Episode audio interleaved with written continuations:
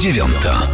Twój początek dnia sytuację na Ukrainie śledzą pewnie wszyscy z Państwa, wszyscy z naszych e, słuchaczy, dlatego e, teraz przeniesiemy się trochę bardziej na obszary tego militarnego znaczenia tego konfliktu, znaczenia dla nas, dla Polski również i tego, co to oznacza dla sytuacji w regionie. Pan generał Waldemar Skrzypczak jest moim i Państwa gościem. Dzień dobry. Dzień dobry panu, dzień dobry państwu. Panie generale, czy to jest tak, że mm, takie zawieszenie, które zdaje się ma teraz miejsce na froncie ukraińsko-rosyjskim i jest mm, znakiem, że rosyjskie siły i zasoby się jakoś wyczerpują? Znaczy generalnie tak można stwierdzić. Rzeczywiście Rosjanie nie mają zdolności do prowadzenia operacji zaczepnej, czyli natarcia. Jak, do, jak planowali, że będą mieli takie możliwości, okazało się, że te możliwości zostały przez obronę ukraińską mocno wyczerpane, nadwyrężone. Rosjanie w tej chwili przeszli do obrony na całym froncie, prowadzą tylko lokalne kontrataki, takie, które mają poprawić ich położenie. W zasadzie generalnie nie ma możliwości Rosja na dzień dzisiejszy prowadzenia żadnych operacji wielkoskalowych. A mhm. zatem e, Rosjanie, można powiedzieć, zostali zatrzymani i w tej chwili obie strony e, są na pozycjach obronnych, prowadzą walkę tylko epizodycznie w sytuacjach, kiedy któraś ze stron próbuje atakować. Gdybyśmy mieli pokusić się o takie, mm, taką analizę, co to znaczy? Czy to oznacza, że e, Ukraińcy mają szansę tą wojnę, mm, może nie wygrać, bo to trudno o tym mówić, ale w jakiś sposób rozstrzygnąć na swoją korzyść, czy to politycznie, dyplomatycznie, czy może nawet militarnie, to pokusiły się pan generał o takie właśnie stwierdzenie? Sam fakt, panie redaktorze, panie redaktorze, szanowni państwo, że Ukraina zatrzymała armię rosyjską, taką potężną, wydawałoby się taką e, przereklamowaną moim zdaniem armię rosyjską, to już jest wielkie zwycięstwo armii ukraińskiej. To świadczy o tym, że Ukraina zatrzymując armię, e, która nie osiągnęła żadnego celu operacyjnego ani strategicznego, e, przejęła mhm. inicjatywę operacyjną i to jest bez wątpienia sukces armii ukraińskiej. I w tej chwili, e, moim zdaniem, idzie taka wojna na wyniszczenie, znaczy Autorami tej wojny wyniszczeni są oczywiście Rosjanie, którzy ostrzeliwują rakietami miasta hmm. i zabijając ludność cywilną, wykonując uderzenia lotnicze na miasta, dewastując miasta, rujnując miasta. Tego przykładem klinicznym jest zakłada Mariupola. Hmm. E, więc e, ta wojna zmierza ku wyniszczeniu i teraz jest czas na polityków, na dyplomatów, żeby rozpoczęli takie działania, które by tą wojnę, ten, ten mord, ludobójstwo przerwały. Hmm. Zdaje się, że coraz więcej ekspertów, coraz więcej ludzi obserwujących ze świata te zmagania, no niemalże Dawida z Goliatem, po miesiącu ukraińskiego oporu widzi, że no, te słowa pana generała są prawdziwe, to znaczy to, że ta może rosyjska armia była przereklamowana, ale czy to jest tak, że Rosjanie popełnili jakieś karygodne błędy podczas tego natarcia? Bo mam wrażenie, że kiedy miesiąc temu, dokładnie miesiąc temu z tego studia, studia rozpoczynałem audycję mówiąc o tym, że Władimir Putin rozpoczął wojnę na Ukrainie, nikt nie spodziewałby się takiego rozwiązania, jakie widzimy dzisiaj, to znaczy miesięcznego oporu Ukraińców, którzy w zasadzie walczą o każdą pięć ziemi i nie pozwalają Rosjanom e, pójść do przodu, co to pan generał mówił. Czy to jest tak, że Rosjanie jakieś dramatyczne błędy popełnić w przygotowaniu tego natarcia, w tej wojnie? Skąd się to bierze? Znaczy, przede wszystkim trzeba powiedzieć, że armia ukraińska w tej wojnie była dobrze przygotowana, mhm. wyszkolona, wyposażona i rozbudowała wszystkie pozycje obronne, które służą armii ukraińskiej do prowadzenia skutecznej obrony przeciwko armii rosyjskiej. Przeciwko armii rosyjskiej. To jest pierwsza rzecz. Druga rzecz, to Rosjanie, faktem jest, nie przygotowali się właściwie do tej wojny, znaczy o tym nie mogą sobie poradzić z armią ukraińską, mhm. ale na to składa się wiele błędów. Mhm. Pierwsze to jest e, planowanie operacyjne. Rosjanie zakładali, że rozbiją armię ukraińską w trzy dni, dojdą do Kijowa, opanują, znaczy zdobędą Kijów. Ta operacja, która miała e, to osiągnąć, nie udała się im. Mówię o, lot, o lądowaniu na lotnisku Hostomel i mhm. uderzenie tą dywizją, która by tam lądowała bezpośrednio na Kijów, to się nie powiodło. Operacja została przez Ukraińców skutecznie przerwana. A zatem mhm. już pierwszy, na początku dni tej operacji, tej wojny, w zasadzie w drugim dniu operacji, Rosjanie ponieśli poważną porażkę, która była symptomatyczna, bo ona zaczęła o tym, że Rosjanie tej operacji nie przygotowali, tak jak się przygotowuje operacje, że dowodzenie ma charakter chaotyczny, że logistyka zawodzi na całej linii, mhm. że wojsko walczy, no bym powiedział, nie tyle, że źle, ale opiesza, ale nie ma, widać wyraźnie, że poziom wyszkolenia żołnierzy rosyjskich i dowódców tego niskiego szczebla jest słaby i w związku z tym nie radzą sobie z wojskiem lepiej przygotowanym, lepiej wyszkolonym, wcale nie lepiej wyposażonym, mhm. ale za to z lepszym duchem bojowym, wysokim morale, jakie mają żołnierze ukraińscy. Mhm. E, zazwyczaj zdaje się, mówi się o tym, że mm, siły natarcia powinny być 3-4 razy większe od tych, które się bronią po to, żeby ta operacja czy ta agresja mogła się udać. E, ale ja chciałem to pytanie trochę odwrócić. Czy Ukraińcy mają siły, e, mają na tyle zasobów, sprzętu i wszystkiego, żeby faktycznie bronić się i tą długą wojnę na wyniszczenie po prostu przetrwać. Czy to jest tak, że armia ukraińska ma skąd brać zasoby, e, rekruta mm, i całe to tło, które jest niezbędne do prowadzenia takiej operacji obronnej oczywiście? Pytanie bardzo dobre, które sobie zadajemy wszyscy. E, czy Ukraina długą, długofalową wojnę wytrzyma?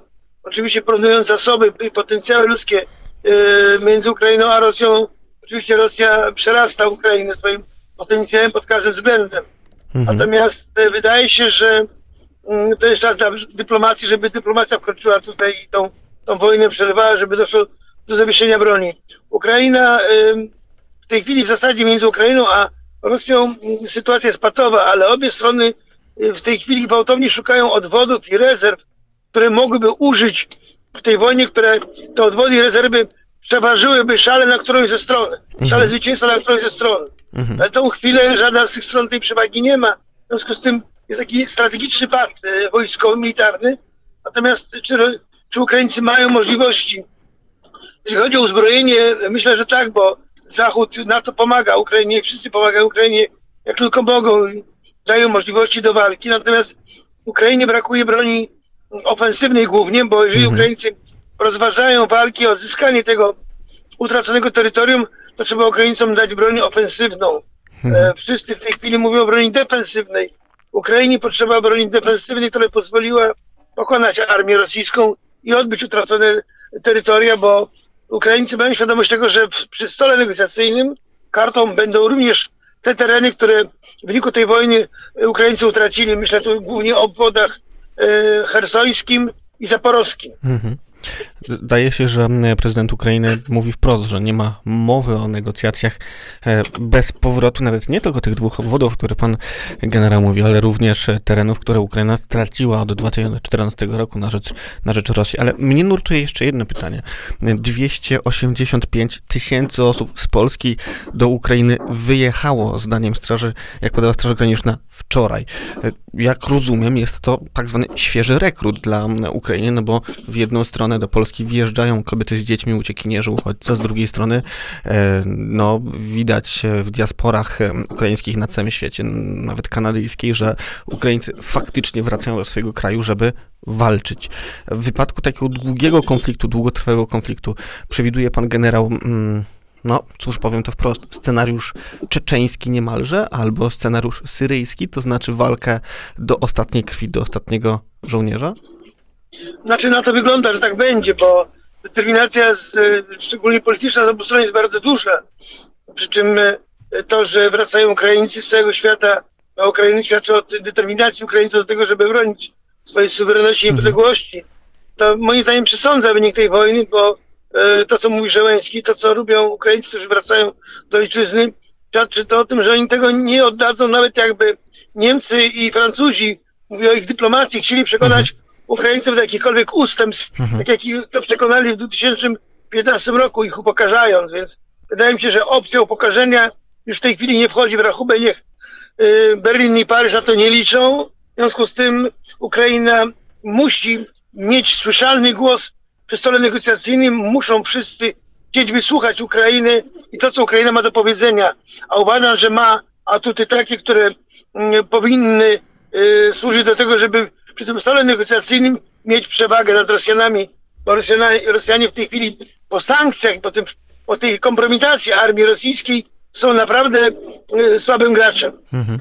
E, tak naprawdę trochę na zakończenie, panie generale, dwa ostatnie e, pytania. Jedno dotyczy tej kompromitacji armii e, rosyjskiej, bo zdaje się, że jest to um, ten mit wielkiej armii rosyjskiej, um, jak ogłosił jeden z nagłówków, zdaje się, amerykańskich gazet, niknie na naszych oczach, ginie na naszych oczach na Ukrainie. Ale czy to nie jest tak, że my nagle z jednego poziomu radykalizmu, przerażenia, myślenia o wielkiej rosyjskiej armii przechodzimy w drugą skrajność pod tytułem Rosjanie popełnili ogromny blamasz na Ukrainie, ich armia się nie sprawdza, więc e, to znaczy, że jest bardzo, bardzo słaba. Czy to nie jest tak, że wniosek, który z ukraińskiej wojny obrony wyciągnąć powinniśmy, brzmi trochę inaczej, to znaczy rosyjska armia nie jest bardzo silna, nie bardzo słaba, tylko przed rosyjską armią da się obronić.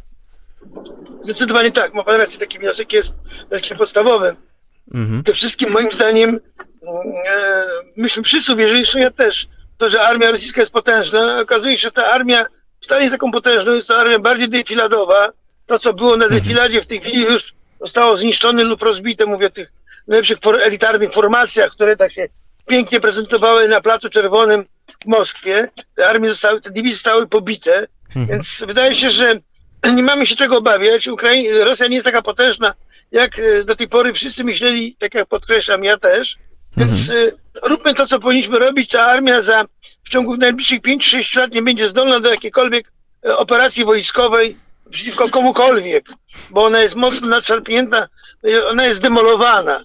Ci dowódcy są naprawdę, okazali się bardzo słabi. Ja to nazywam tych dowódców takimi generałami salonowo-paradnymi, bo jeżeli oni giną, są e, zabijani przez strzelców wyborowych, oni źle dowodzą, to świadczy o poziomie przygotowania tych ludzi do wojny. A to mhm. przecież zaczyna się, zdolność zaczyna się od dowódców. Jak jest dobry dowódca, to i dobra formacja. U Rosjan tego nie ma. Mhm. A zatem nie bójmy się, róbmy to, co do nas należy, y, wykonujmy zadania na rzecz obronności państwa, modernizujmy swoje siły zbrojne, odbudowujmy przemysł polski zbrojeniowy, rozwijajmy siły zbrojne i zdolność państwa do obrony. I jeszcze jest rzecz bardzo ważna, panie redaktorze. Zajmijmy się edukacją proobronną. Mhm.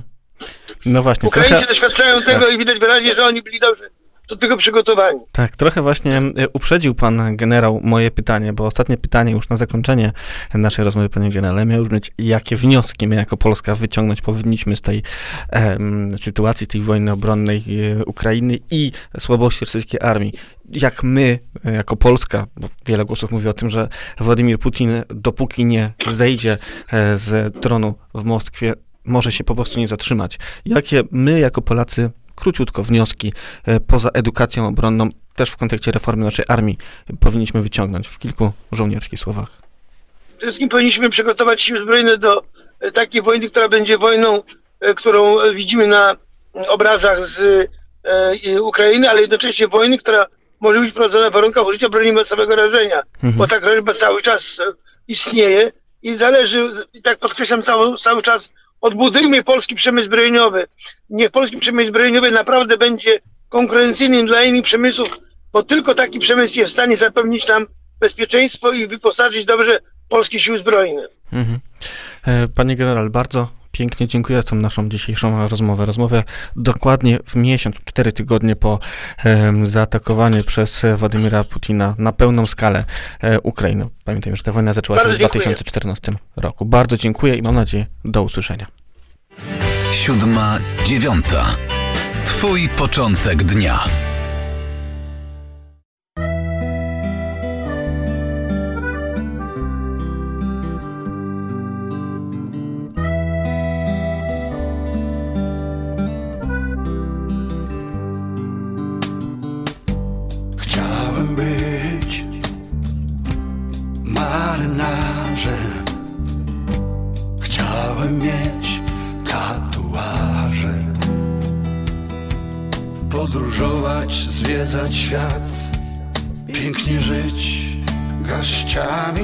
should